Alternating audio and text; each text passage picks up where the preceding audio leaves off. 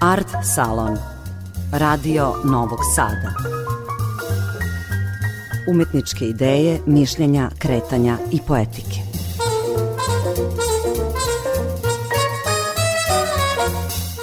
Dobro veče.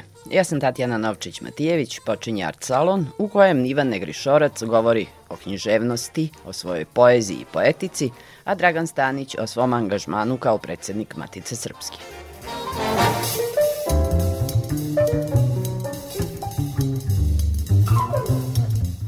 Uvek je zadovoljstvo krenuti razgovor čestitkama za nagradu za životno delo. Ne samo što je pređen taj put kvalitetno i kvantitativno merljivo, nego što je stiglo priznanje javnosti i ne samo one usko stručne, nego i kulturne javnosti, da te decenije angažmana su primećene, zabeležene i da se upisuju u istoriju ove kulture. Ali ja hoću da krenem od vaše primarne pozicije, dakle književnik, pesnik, eseista, dramski pisac, zato što mi se čini da Ivan Negrišorac nešto nije poslednjih e, godina imao šansu pred Draganom Stanićem, ovim angažovanim kulturnim poslenikom. Pa prema tome, ajte da krenemo od poezije. U ostalom, u književni život ste i krenuli poezijom. Tako je. Hvala vam za ove uvodne reči. Ja moram da istaknem da mi je posebno drago što i su poslednjih godina meni počela da pristižu priznanja iz sobstvene sredine, iz mog grada. Ja to ranije e, nisam doživljavao vrlo redko bivalo, ali to je valjda deo one priče kako niko nije prorok u svom selu, jel tako da? Možda me spremaju za onaj svet, pa da, počestovan sam time što sam dobio zaista najviše pokrajinsko priznanje Mihajlo Pupin, to me zaista dirnulo, a evo sada je došlo ovo priznanje koje dolazi od uh, kulturnog centra uh, Miloš Crnjanski za životno delo. Deo možda cele te priče je upravo i to što je, su evo izašla i izabrana dela u sedam knjiga. Ja sam već e, više godina suočen sa tim da je vreme da polako, polako podlačim crtu, da vidim šta sam to uradio. E, imam priličan broj knjiga koje nisam uobličio do kraja, pa nisu ni izašle kao knjige, tako da sad sam sebi stavio zadatak da polako ta dela e, završavam. U tom smislu sam recimo onda uradio jednu knjigu izabranih eseja, oni će izaći ove godine. To su eseji koji sam pisao poslednjih recimo skoro 50 godina. Tu je moj prvi rad, to je o Ivi Andriću iz 76. godine, mlad sam bio sasvim student, kada sam to napisao, sad sam to pročitao, taj tekst i vidim, pa drži se to, Stoji. sasvim dobro, da, da. I onda sam tu skupio, dakle, mnogo toga, po jednom ključu, bit će jasnije kad se ta knjiga pojavi, ove, ali ispalo je jedno dosta obimna ovako knjiga koja svedoči o tom segmentu rada. A druga knjiga koju sam završio, i treba ove godine da izađe, jeste jedna studija o knjizi o kojoj sam čeznuo da nađem vreme da napišem, a to je Mihizova autobiografija o drugim. I ja sam sada, priređujući u sabranim delima Mihizovim, ne samo napisao predgovor za tu knjigu u okviru sabranih dela Mihizovih, nego napisao i čitavu knjigu gde sam tumačio u čemu se sastoji ova veština pripovedanja kojom je Mihiz sjajno vladao i koje je tako ispolio u ovoj briljantnoj knjizi da je to ostalo svakako jedno od najsvetlijih mesta u našoj e, autobiografskoj i memorskoj literaturi. Sve ovo jesu tumačenje i to jeste onaj deo e, vas kao kritičara i književnog istoričara, ali i teoretičara, poezija. Pojavili ste se, ima više od 40 godina. I negde su vas kritičari tada smeštali u onaj talas nove književnosti. Bila je e, u prozi ta mlada srpska proza, vi ste bili u nekom dosluhu sa neoavangardom. U ostalom i kritički ste se bavili i onom istorijskom avangardom i neoavangardom. Šta vam je tu tad bilo intrigantno? I, i kako se taj, ta poetika razvijala evo do 2019. kada je izašla poslednja knjiga nove poezije? Meni je i bilo i ostalo trajno uverenje da poezija nije samo opevanje određenih tema na način koji je recimo standardan, definisan, čvrst i da vi onda samo menjate temu, a način vašeg govora, stila, kazivanja je uvek isti. Meni se od samog početka, od kako sam se pesništvom počeo baviti, je bilo uvijek jako važno to da jezik u potpunosti bude nekako u dosluhu sa onom o čemu peva.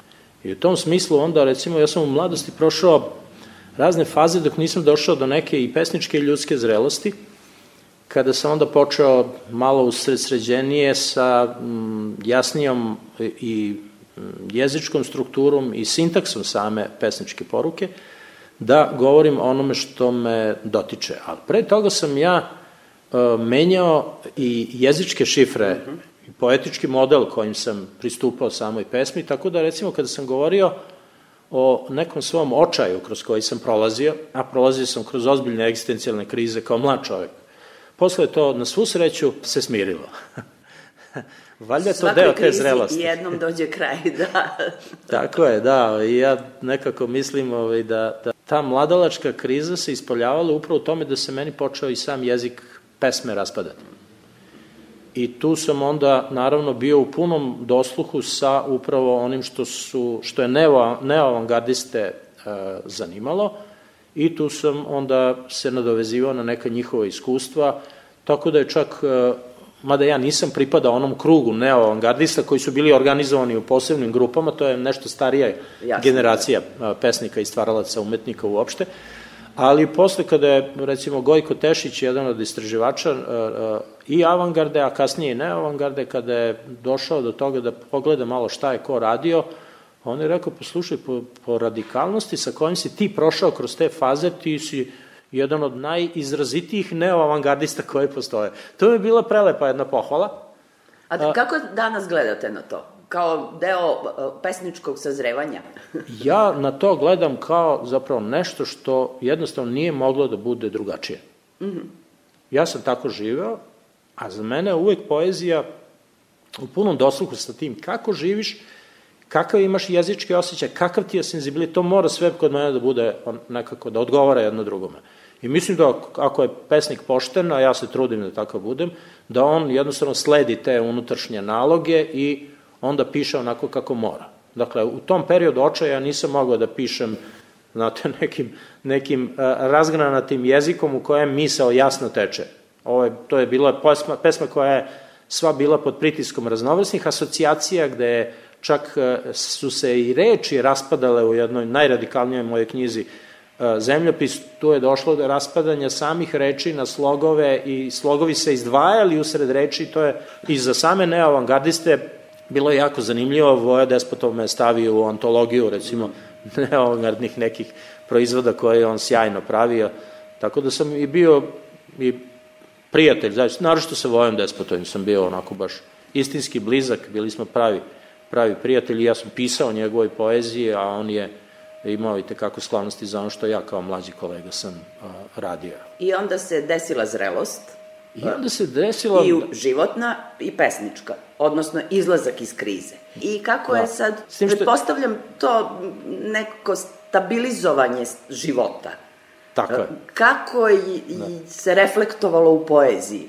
Pa ovako prvo da kažem da je to u stvari samo jedan, izgradio sam jedan način na koji sam mogao sa mnogo dubljim poverenjem u smisao sobstvenog postojanja i u smisao čovekove delatnosti da se suočavam sa raznim novim kriznim periodima. Dakle, kriza nije eliminisana, samo je dobila jednu mnogo blažu formu. Ja moram reći da je to kod mene se desilo negde recimo oko 27. 8. godine, kada je došlo do jedne potpune konverzije, kada sam iz jednog perioda stalnih sumnji i muka sa kojima sam bio suočen, kada sam mm, jednostavno otkrio, pa ja nemam drugu reč nego naprosto živog Boga.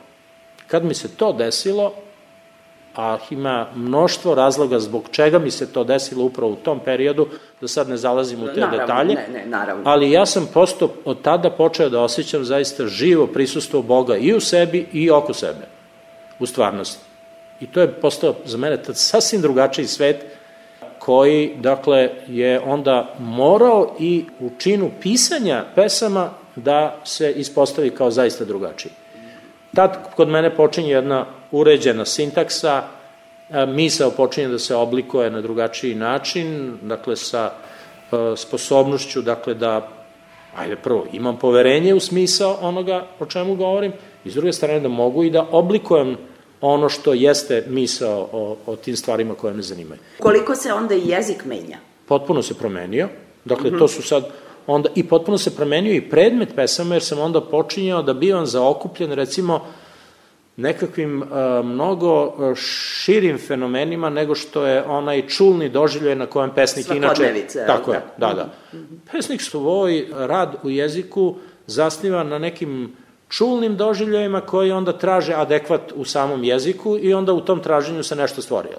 Ali kod mene je međutim ovde krenulo interesovanje ka nekim krupnim kulturno-istorijskim i religijskim fenomenima. I onda su... I onda tu su... nastupa Dragan Stanić. onda... Šalim se, karikiram da. malo stvari da bih učinila malo življim da. ovaj razgovor. onda, onda nastupa zapravo pesnik koji više ne piše samo pojedinačne pesme koje se nekako same od sebe slažu, nego se onda tu počela stvarati, počeli se stvarati razmere poema. Prva knjiga te vrste je izašla 2007. godine, to je e, knjiga Potajnik, e, kada su mi se otvorile porodične priče koje sam ja slušao od babe, dede, stričeva i tako dalje, o selu, odakle su, o porodici odakle smo, po očevoj liniji, Dakle, i tu mi se otvorio potpuno jedan svet, znači, znate, i, i dijalekta, Reč je do duše o, o, ovom e, istočno-hercegovačkom, odnosno kraj, e, e, hercegovačko-krajiškom dijalektu koji je u osnovi našeg književnog jezika, ali sa vrlo jasnim specifičnostima koje sam ja slušao. Lokalnim, da, da, da. Tako je, i on, čak i nekim koji su široko rasprostranjeni, tipa recimo ovo što crnogorci sad uzimaju kao š i ž, kao nešto što je specifikum crnogorske, a nije.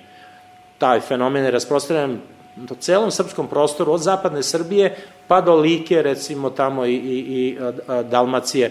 Dakle, tu pa tamo taj istočno-hercegovački govor koji Jest. je u osnovi da, književnog jezika. Da. Tako da. je. Tako da sam onda tu otkrio taj svet, a to je neverovatno kad sam, to je bilo povezano sa činjenicom da sam istraživao istoriju tog ovaj, sela, I onda sam otkrivao čudesne priče, ne samo o nekim precima kojima sam ja slučao priče od babe i dede, pa konačno i priču o Babastani, recimo po kojoj se mi prezivamo stanici. to je jedna, kako da vam kažem, hajduk žena, koja je ostala udovica i koja je onda odbranila imanje i porodicu kada su došli oni koji su mislili da će sa lokoćom da se obračunaju sa, sa jednom ženom. To je bilo jedno otkriće. I onda su sledila čitav niz novih otkrića i ja se iskreno nadam da se ta otkrića ne zaustavljaju sad sa ovom knjigom koju još nisam objavio, na kojoj intenzivno radim, i da će to trajati dok uh, budem živ. A koja su otkrića? Moje putovanje na Hilandar i odjednom Sveta Gora mi se otvorila tako da sam ja u jednom furioznom tempu, nikad tako nisam pisao, kao posle otkrića Hilandara, i ja sam napisao tu knjigu, mislim, koja je prosto onda osvojila neki pet nagrada književnih, šest ili ne mogu se setim tačno koliko. A onda mi se otvorio sve Crne Gore, to otkrivanje bilo dugogodišnje, to moram reći. Mnoge pesme su nastale tokom mojih boravaka u Crnoj Gori, uglavnom tokom leta, recimo Budva Paštrović i taj deo koji sam obožavao i dan danas obožavam. Ja sam pisao pesme prosto onako, kao što svaki pesnik piše, tako nešto vidi, sretne, no, jeli, da. i napiše jednu pesmu. Onda sam odjednom video kako mi se otvaraju neke perspektive, ovako kao ovo što sam otkrio u selu mm -hmm. kroz svoju porodicu, tako mi se otkrivala Crna Gora sa svojom ovom kulturno-istorijskom dimenzijom.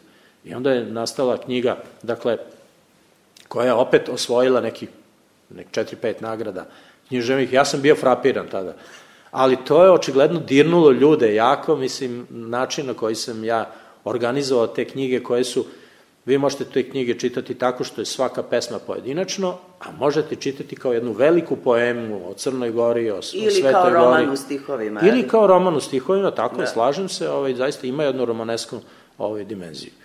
Onda sledeće otvaranje je bilo o, knjiga Matični mleč o Matici Srpskoj. Na isti način kao i Crna Gora, tako se mene godinama pisao sam pesme raznim povodom, objavljivao čak te pesme i onda se odjednom zaokružila nekako ta celina. I onda 2019. knjiga koju ste pomenuli, Ogledala oka Nedremana, to je knjiga koja je takođe jako dugo nastajala. Zanimljiv ima naslov. Jeste, ja sam u stvari tu organizovao one pesme koje sam pisao na putovanjima i naravno u susretima sa raznim drugim kulturama. A onda sam video u jednom momentu kako stvari najviše što mene zanima u tim susretima sa kulturama, to je na koji način se, recimo, može prepoznati svest ljudi o Božijem promislu na tim prostorima, pa i moja, moja osjećanje Božije promisli. I onda to oko nedremano video sam i, ne znam, u Iranu, recimo, i u Kini, na primjer, u Kini kod budista, na primjer, u Iranu u isla, islamskom, dakle, doživljaju Boga, a video sam, ne znam, i u Kanadi, Francuskoj i u Evropu, dakle, u Evropi na ovom, dakle, hrišćanskom prostoru. I to mi je jedna knjiga onako baš predstavljala veliku radost, a ono što moram reći sad, treba i ovaj deo da završimo, ono što meni e, e, je jedna od najmilijih stvari u životu, što za mene pisanje poezije i dan danas predstavlja takvu radost da ja teško da mogu ovaj, da poredim se nekim drugim stvarima. Ovaj kad sam sa unucima, sa detetom svojim, znate, to je, to je, kako da kažem, radost druge vrste, ali slična vrsta energije, jel? Kao i ono kad se u molitvi otvori nešto i vi onda posjetite prosto neki mir zbog koje onda kažete, poslušajte, jeste ovaj, ovaj svet, jeste potpuno jedna ludnica, jedan potpuni haos, ali sa tim mirom koji sam stekao i kroz molitvu i kroz život sa bližnjim koje volim, pa ja idem dalje kroz taj život, mogu da ga izdržim. Znate. U mladosti sam ja bio ubeđen da, da je sa mnom gotovo, ja ne, ne mogu da izdržim taj besmisao. I moram da vas pitam, dakle, u tom razvoju poezije, kako se uklopio ovaj jedan jedini roman Anđeli umiru? Je li on u saglasju ili je jedan opozit onome što jeste vaša poezija? On je u potpunom saglasju sa onim ovaj, o čemu sam pisao i u poeziji i on ima jednu karakterističnu upravo ovu, ovu vrstu dihotomije o kojoj sam govorio, dakle osjećanje besmisla u svetu u kojem smo i nužnost, e, potrebu da e, subjekat koji se u svom dijalogu sa Bogom nekako utvrdio, da kaže, slušaj, idem ja da pravim ovaj svet boljim nego što jeste. Ne mogu mnogo uraditi, ali koliko mogu uradit ću. E, takav je i taj moj roman koji svedoči o takvoj jednoj svesti i o čoveku koji je mentalno pokušavao da bude u dosluhu sa drugim civilizacijama izvan ovog, ove zemaljske kugle. Tu se otvorila jedna velika metafizička dimenzija, a s druge strane i čovjek koji je bio svedok, ne znam, one 93. godine, tako da u tom romanu sam reprodukovao one novčanice od 500 od, milijardi. Od onih silnih nula Tako koje je. nismo mogli ni da prebrojimo, jer su stizale nove sa još većim Jer ja sam nulama. mislio, ne, neće, nove generacije neće verovati u stvari šta smo mi to sve doživljali. Tako da ima i tu niz anegdota vezanih uh, za ono što nam se dešavalo tih čudnih godina, 90-ih. Mm. Porazne, koje, porazne, porazne godine. Tako da. je, tako je, da, da ali ovaj, to je nekako jedan, za mene jedan iscenski roman, kako sam ga ja nazvao, jer su tu ugrađeni neki dramski tekstovi koji sam pre mm. toga pisao, ali je to za mene prvenstveno uh, roman Lavirint, jer sam ja tu tragao za nekim uh, pokušajima da nađem smisao, a smisao neprestano izmiče Neki izlaz, i traganje ja. se nastavlja. Da. izlazi u jednom trenutku bilo pisanje romana, a onda je na, usledio i izlaz zvani spoznaja. Ja. Tako je, tako je. Uh, samo još ovaj jedan mm -hmm. dodatak, pošto me i to pitali da dovršim tu stvar. Uh, uh, nažalost, ovaj romaneskni deo ja nisam u svom opusu razvijao u onoj meri u kojoj sam imao strašnih poriva da napišem, prosto zbog činjenice da sam se lomio na različitim poslovima, nisam mogao da ispišem one romane e, za koje sam imao vrlo ozbiljnu zamisao i osetio sam tačno šifru njihovu, ali da biste to uradili, e, vi e, morate roman pisati svakodnevno. A da pisam ja sad, kad počnem, ja napišem jedan fragment, pa posle mesec dana, znate, se vraćam tome, ne mogu da prepoznam šta sam napisao, već sam zaboravio pod utiskom, to ne može tako. I zato se sve nadam nekako da će ovaj romaneskni deo svoga opusa kad se bude malo udaljio od ovih poslova u kojima sam, da onda u miru a, a nastavim imate, dalje. imate plan da, da se posvetite romanesknom? Ja sam napisao ovde u, u, u ovim izabranim delima, tamo ima jedan zapis o autoru, ja sam rekao, iako sam u vrlo ozbiljnim godinama, još uvek se osjećam kao mlad pisac koji obećava.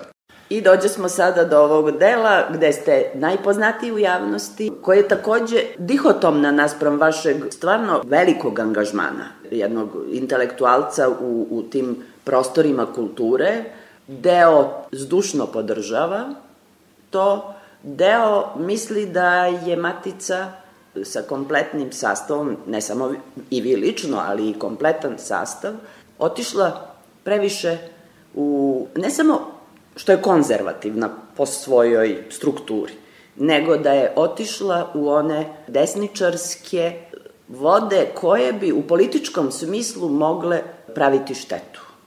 Ja ne bih sada da otvaramo to polje, ja zato bih. što a, vi biste. Dobro, može.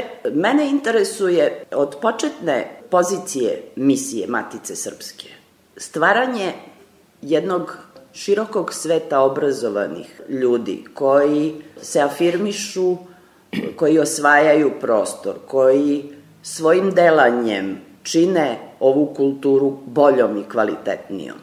Gde je Matica danas? Dosta pitanja smo otvorili sad ovdje i ja bih da idemo jedno po jedno. Ako može? može? Da, da. Birajte koje da. ćete da. prvo. Ajde krenemo prvo od ovoga. Zaista, što se tiče mog nekog ličnog angažmana, dosta je, se dešava to da ovaj deo koji se odnosi na moje delovanje kao predsednika Matice Srpske je postala, bar u medijskom prostoru, izrazito dominantno u odnosu na ovo što je književni deo. Zato smo ovaj intervju krenuli malo, od... Da, I vama hvala što ste tako obrnuli ove stvari. Zaista, kako da kažem, mene je lično žao što je to tako, ali ne mogu da se žalim, kritika veoma dobro reaguje na moje ove, na, dakle, knjige, Pa dobro, ali je činjenica je, da je to uh, ali uži čin... deo javnosti, tako, jeli, u, tako, u, u poređenju ja, sa angažmanom Šira perspektiva, ako biste vi pitali da ko je, ko je taj čovek, koji bi rekli, pa to je predsjednik Matice Srpske. Odmah. Što je sasvim, da, što je opet u, u redu, čast mi je naravno i ovaj, da, mislim da je to nešto najlepše što, što mi se u životu desilo, zaista u nekom, ajde da kažem, društvenom smislu, nešto, nešto što podrazumeva neku opštu društvenu korisnost. Jel? I s te strane imam jedno visoko osjećanje odgovornosti, jer sam imao ogromno zadovoljstvo da radim sa izuzetnim predsednicima Matice Srpske, i sa Boškom Petrovićem i sa Boždarom Kovačekom, sa Čedomirom Popovim i niz drugih još ljudi koji su, nisu bili predsednici, ali su to sjajni intelektualci, društveno izuzetno odgovorni ljudi. Ja moram reći da sam u Maticu ušao onako već kao sazreo čovek, već sad uh, onako utemeljen sa ozbiljnim uverenjem da mi imamo pravo da se prema svetu odnosimo kao prema jednoj smislenoj tvorovini koja treba da čuva svoje kontinuitete i tako dalje i tako dalje. E sad tu dolazimo do onoga, a kako to sve sad radimo u Matici Srpskoj, ja bih prvo rekao ovako da Matica na svu sreću nije jedna konzervativna ustanova, ona jeste tradicionalna, ali nije konzervativna. Kad me kažemo da je neko konzervativna ustanova, a to nam tu etiketu nam lepe zapravo oni koji hoće da u potpunosti e, stave na marginu sve ono što se u matici dešava. Vešte, konzervativ, to znači neko ko u stvari nema nikakvog e, predstave o tome kakva je realnost u kojoj živimo, nego on samo čuva neke vrednosti koje su iz prošlosti došle. Taj nema ni viziju budućnosti, taj nije otvoren i tako da. Mi to u matici ne negujemo. Ja, Boga mi, vidim da recimo ni, ni e, Srpska pravoslavna crkva nije konzervativna. Na svu sreću smo razgovarali o nekim vrlo ozbiljnim pitanjima i videli smo zapravo da oni... Da, vidi se da je jaka simbioza Srpske pravoslavne crkve i Matice Srpske yes. u onim važnim, yes. ne samo kulturološkim pitanjima, čini mi se i važnim društvenim pitanjima. Jeste. E sad vidite, ovaj, mi, mi smo sada ušli u jedan svet koji u svojim pokušajima da sledi revolucionarni model mišljenja i doživljaja sveta, više u stvari nema jasne orijentire. I sad počinju zapravo da se pojavljaju razni fenomeni koji se prikazuju kao nešto što je od revolucionarne važnosti, a tu su sasvim marginalni fenomeni koji mogu da se rešavaju ne po tom osnovnom revolucionarnom mehanizmu, nego na jedan miran, evolutivni način, ako što po uredu idemo polako da menjamo, pa će se svet promeniti Ja mislim da mi danas e, se suočavamo sa e, jednim svetom u kojem je glumljenje velikih revolucionarnih događaja postoje jedan od najvažnijih društvenih laži sa kojima se suočava. Uzmite samo, recimo, prava žena i ono što je Nemojte radikalni feministički pokret. Jeste, znate, to je, to, je, to je toliko zapravo izmišljenih i lažnih problema da meni prosto pamet staje. I to rade ko? Rade radikalne feministkinje koje zapravo proizvode, ja mislim, mnogo veću štetu jer polarizuju društvene stavove. Ali tako... svaki radikalizam je štetan. Apsolutno, da. Ja se tu slažem. Da, da. da. Atakom na taj radikalni feminizam, Jel ne mislite da, recimo, svaku jole čestitu feminističku ideju i, i ja, akciju... Ja vam upravo o tome govorim da to nije slučaj ni sa mnom, ni sa Maticom Srpskom. Dakle, mi vrlo razložno pristupamo celoj stvari. Dakle, mi kažemo, naravno, da, da želimo svi da prava žena budu obezbeđena na bolji način nego što su to do sada činjeni. Ali, ja moram da vam kažem jednu stvar, i to sam govorio javno u, u više navrata kada smo o tome govorili, nemojte da previđamo jednu činjenicu. U socijalističkom periodu su, bar u ovom pravnom smislu, stvari već definisane tako da vi ne možete imati mnogo prigovora. Ja se vrlo dobro sećam, recimo, dakle, žene su izjednačene u pravima u socijalističkom periodu. To nije bilo slučaj u kapitalističkom takozvanom svetu. Ali Mislim, nema više Jugoslavije? Ne, ne, ne, ali mislim, to je... I, mi, mi, i, ne, I neka prava su umanjena, smanjena, Ja bih jako volao da vidim koja su to prava umanjena, ali ono što, recimo, u pravnom smislu, po mom mišljenju, ne postoji nikakav razlog za ozbiljni radikalizam feministički. Dakle, mi možemo da kažemo, čekajte, nema nikog pametnog u ovoj zemlji, ja ne kažem da nema idiota, ima ih svakako, ali sa njima je lako završiti, mislim, dobrom argumentacijom u kojoj ćemo mi napraviti konsenzus između pametnih ljudi, a to znači između pametnih muškaraca i pametnih žena mi stvaramo situaciju u kojoj ćemo na pametan način to sve rešavati. Ako mi polarizujemo stvari, pa kažemo sada, slušajte, mi ćemo ceo svet da podelimo na muškarce i na žene, to je jedan svet koji, je, koji se ne da pomiriti, a to rade radikalne feministkinje. Onda mi stvaramo u stvari jednu polarizovanu situaciju u kojoj će biti borbi, a teško da možemo napraviti konsenzus. E, to je velika opasnost koja nam dolazi upravo takvih radikalnih grupa koje unose haos zapravo u društvenu situaciju. Ono što je svakako najstrašnije i protiv toga se mora govoriti, to je količina zločina koje se pojavljuju u odnosu, dakle, između muškaraca koji sebi svašta dozvoljavaju i e, ženskog dela, recimo nekih porodica i tako dalje. Zapravo svedo, svedočimo jednom ozbiljnom retariranju. Jeste, ali... U, u jedan surovi da. svet gde muškarci koriste snagu jačeg, fizički, da rešavaju probleme tako što će ubiti partnerku. Slažem se, to je apsolutno neprihvatljivo. Da li smo da. E, takvih situacija u tom istom komunističkom sistemu, odnosno socijalističkom, nismo imali tako neverovatnih razmera, sad već stravičnih. Izgleda da količina ubistava je e, mnogo veća, ali količina nasilja e, je e, bila, ja, ja bih rekao, podjednaka. To, I onda to, i da, sada. Da, prosto danas je sve Znate, samo, dostupnije, vidljivo. I... Jeste. To je jedna stvar, a s druge strane, ja mislim da se da je u ono vreme, dakle u socijalističko vreme, tu je, e, su ovi tradicionalni modeli ponašanja kod žena bili e, toliko e, snažni da su one lako onda pristajale na podređeni položaj. I onda je konfrontacija bila manja. Ali pazite, vi kad imate ovu radikalizaciju koja se dešava, onda vi u stvari samo dodatno produkujete količinu zla i ljudi se prosto huškaju jedni na druge. E, radikalni feminizam je učinio, na primjer, da se donese zakon o takozvanoj rodnoj ravnopravnosti. Taj zakon je problematičan sa e, bar dva osnovna stanovišta. Jedan je pojam roda zapravo koji je potpuno nedefinisan i nejasan i mogao bi imati sto različitih značenja. U normalnom pravnom sistemu ako neki pojam nije dovoljno definisan, vi o njemu ne možete da pravite dobar zakon, jer ne znate o čemu tačno govorite. To je jedan ozbiljan problem. A pritom, pod dejstvom upravo ovakvih grupa donesen je zakon o takozvanoj rodnoj ravnopravnosti, a vi ne znate tačno o čemu govorite. Nije samo odnos muškarca i žene. To je odnos raznih drugih fenomena. Ja bih sve te fenomene ostavio za neke druge zakone. Treba biti samo otvoren, sagledavati gde će se pojaviti problemi i onda ih pokušavati rešiti, ali tako da dođemo do konsenzusa.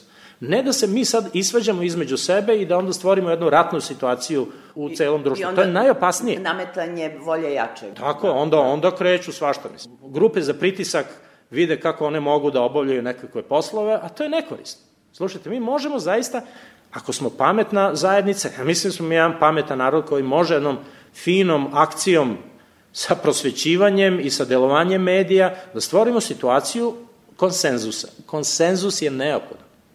Pametni ljudi, a to znači i pametne žene i muškarci, mogu o svemu da se dogovore. Jel? E sad, o, druga stvar koju o, o, ovaj zakon o rodnoj ravnopravnosti je potpuno narušio jeste kada je uveo sankcije za nekorišćenje e, rodno senzitivnog jezika. Slušajte, to je, ja sam u načelu protiv bilo kakve potrebe za sankcijama kada je o jeziku reč. Po mom dubokom uverenju, dakle, jezik treba da bude prostor u kojem mi ispoljavamo našu ljubav, našu želju za preciznijim, jasnijim izražavanjem, našu želju za stilski iznijansiranim kazivanjem, prosto lepota jezika i uživanje u komunikaciji. Ako mi uvodimo kaznene mere, znate, sada, za rodno senzitivni jezik, ko meni garantuje da sutra neće doći neko ko će, na primer, reći, pa slušajte, vi ne koristite sve padeže u ovom jeziku, ja hoću da se to sprovede u zakon i da se kažnjavaju ljudi koji ne koriste sedam padeža. Vi možete reći sad, to je smešno i to su budalaštine. Ne, ne. A nisu budalaštine, pa ste vi pojam roda. Definišite tako da možete sve da stavite u to. Sutra će doći neko ko će reći, slušajte, ja volim, na primjer, da seksualno opštim sa bundevama. Jel, poznate su te perverzije, tako? Oni će se napraviti kao jedna, jedna socijalna grupa koja traži svoje prava. Tu kraja nema. Mi ulazimo u jedan užasan socijalni prostor koji će iscrpsti potpuno energiju i imaćemo, znate koji je rezultat? Imaćemo ovaj rezultat. Da se pojavljuje jedan usamljeni čovek, pojedinac, dakle, koji će reći, znaš šta, ja neću u tome da učestvujem. To što, ono što je meni bilo u mladosti, kad sam rekao, meni a, život bez smisla, ne mogu da živim u njemu. I poželeo sam da odem sa ovog sveta. Mnogi mladi sada ulaze u neki svoj svet, izvinite, molim vas, posledica ove situacije jeste u tome da, sad sam čuo negde nedavno podatak jedan, da je ogroman broj mladih između činjenice, recimo, da li će razgovarati sa osobom suprotnog pola i prosto razgovarati, ništa ne kažem drugo, ili će da pretražuje po telefonu, on će izabrati ovo drugo rešenje. Taj procenet je bio nešto zastrašujuće veliko. Jeste, jeste. Ali e, I to je da ogroman problem. Da vas pitam ovo. Govorite o konsenzusu. Mi uništavamo time društvo. E, jasno, o, o nužnom konsenzusu. E, da li je bilo prirodno za očekivati da u, u susret bilo kakvim zakonskim rešenjima koja e, pokušavaju da urede stvari u ovom društvu, a svaki zakon to pokušava, da su stručnjaci iz Matice Srpske, Srpske akademije nauka i umetnosti, sa fakulteta humanističkih oblasti, seli sa pravnicima koji de, definišu zakone i rekli slušajte, ajte da napravimo konsenzus. Pa da izađe zakonska regulativa koja je prihvatljiva u ovom društvu. To je, to je treći stav koji sam ja iznao kao predsednik Matice Srpske i ponavljam ga nebrojeno puta. Dakle, treći stav je kad god donosite nekakve zakone koji podrazumevaju neka specifična znanja, poznavanje određenih e, e, pravila, sistema mišljenja u svetu i tako dalje, nemojte to raditi bez konsultacije sa ozbiljnim ustanovama. Javite se ustanovama. I moj stav, ja sam rekao da zapravo po meni političke strukture nemaju prava da donose takve odluke. One moraju da se konsultuju sa ljudima koji to znaju. U vezi sa ovim zakonom o rodnoj ravnopravnosti Matica nije konsultovana uopšte. -hmm. Čujem da je navodno pozvana Srpska akademija nauka i umetnosti, ali nisam video da su imali nekakvog, uh, uč, nekakvog delovanja u tom smislu, da su se obratili Matici Srpskoj Matice bi reagovali. Mi bismo poslali ljude koji imaju, mogu tu da budu od pomoći i mi bismo u napredu procedure rekli upravo recimo ove, bar ove tri stvari e, o, ko, o kojima sada mi govorimo. Ima čitav niz drugih stvari, kad smo imali nedavno razgovor koji smo organizovali sa blagoslovom patrijarha o, o rodno senzitivnom jeziku, ja sam otvoreno rekao da političke strukture prosto nemaju pravo da donose pogrešne odluke na osnovu nečega... I sami nečega... znate da će vam oni reći da. da oni su svoje pravo osvojili na izborima. Ali? Ne, ne, ne, to nije dobar odgovor. Dakle, oni su dobili time mandat da rade određene poslove u naše ime. Ali ti poslovi se mogu raditi na kvalitetan način, više kvalitetan i manje kvalitetan i potpuno nekvalitetan. Ovo je jedan, ovo je primer, dakle, ove zakona o rodnoj ravnopravnosti, jedan vrlo nekvalitetno urađen posao. Ja mislim da bi tu bilo najpametnije, ali mirno, bez svađa daljih, uvesti zakon u novu proceduru u kojoj će se osporiti njegova valjanost, staviti ga van snage i dajte da onda dođemo u jednom mirnom razgovoru do onih rešenja koje su prihvatljiva i za te feminističke grupe, ja nemam ništa protiv, samo neka one smire svoj radikalizam.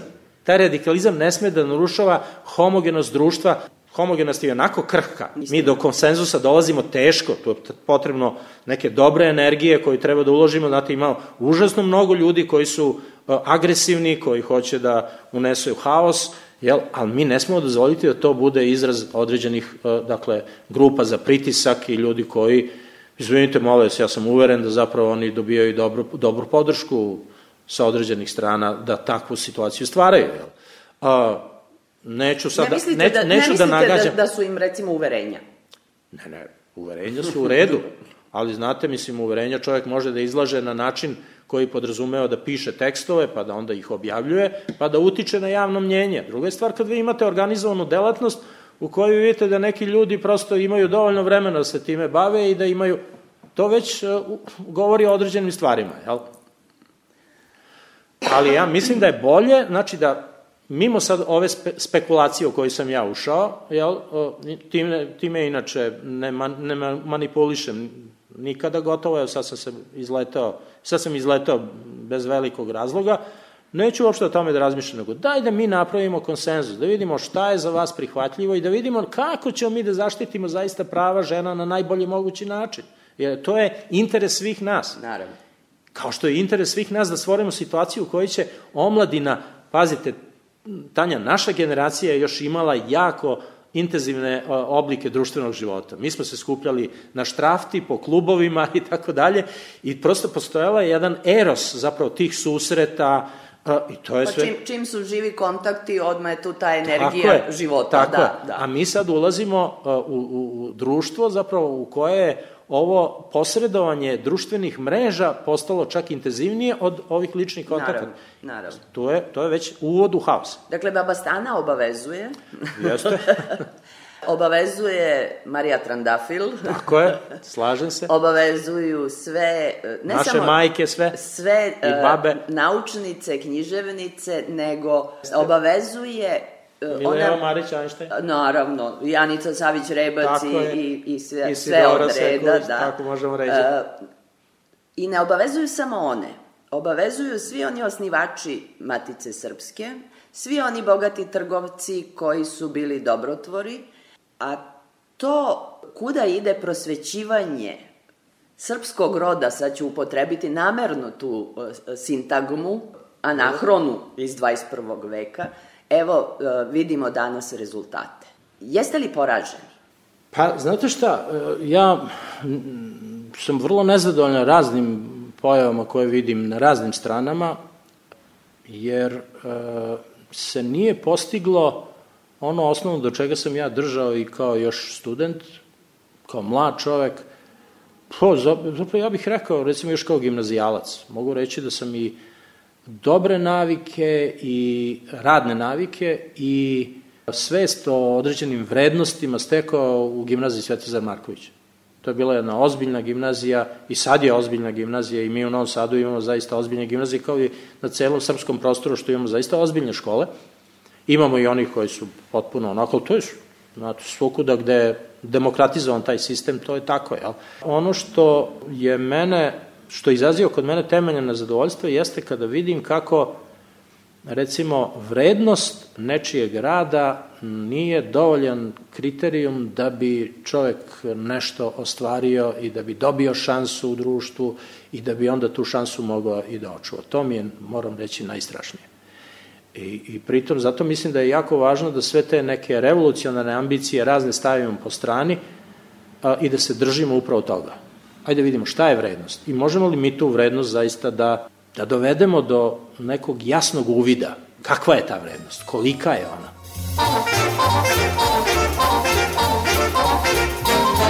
Bio je to Art Salon u kojem je gostovao Ivan Negrišorac, odnosno Dragan Stanić. Do slušanja pozdravlja vas Tatjana Novčić-Matijević.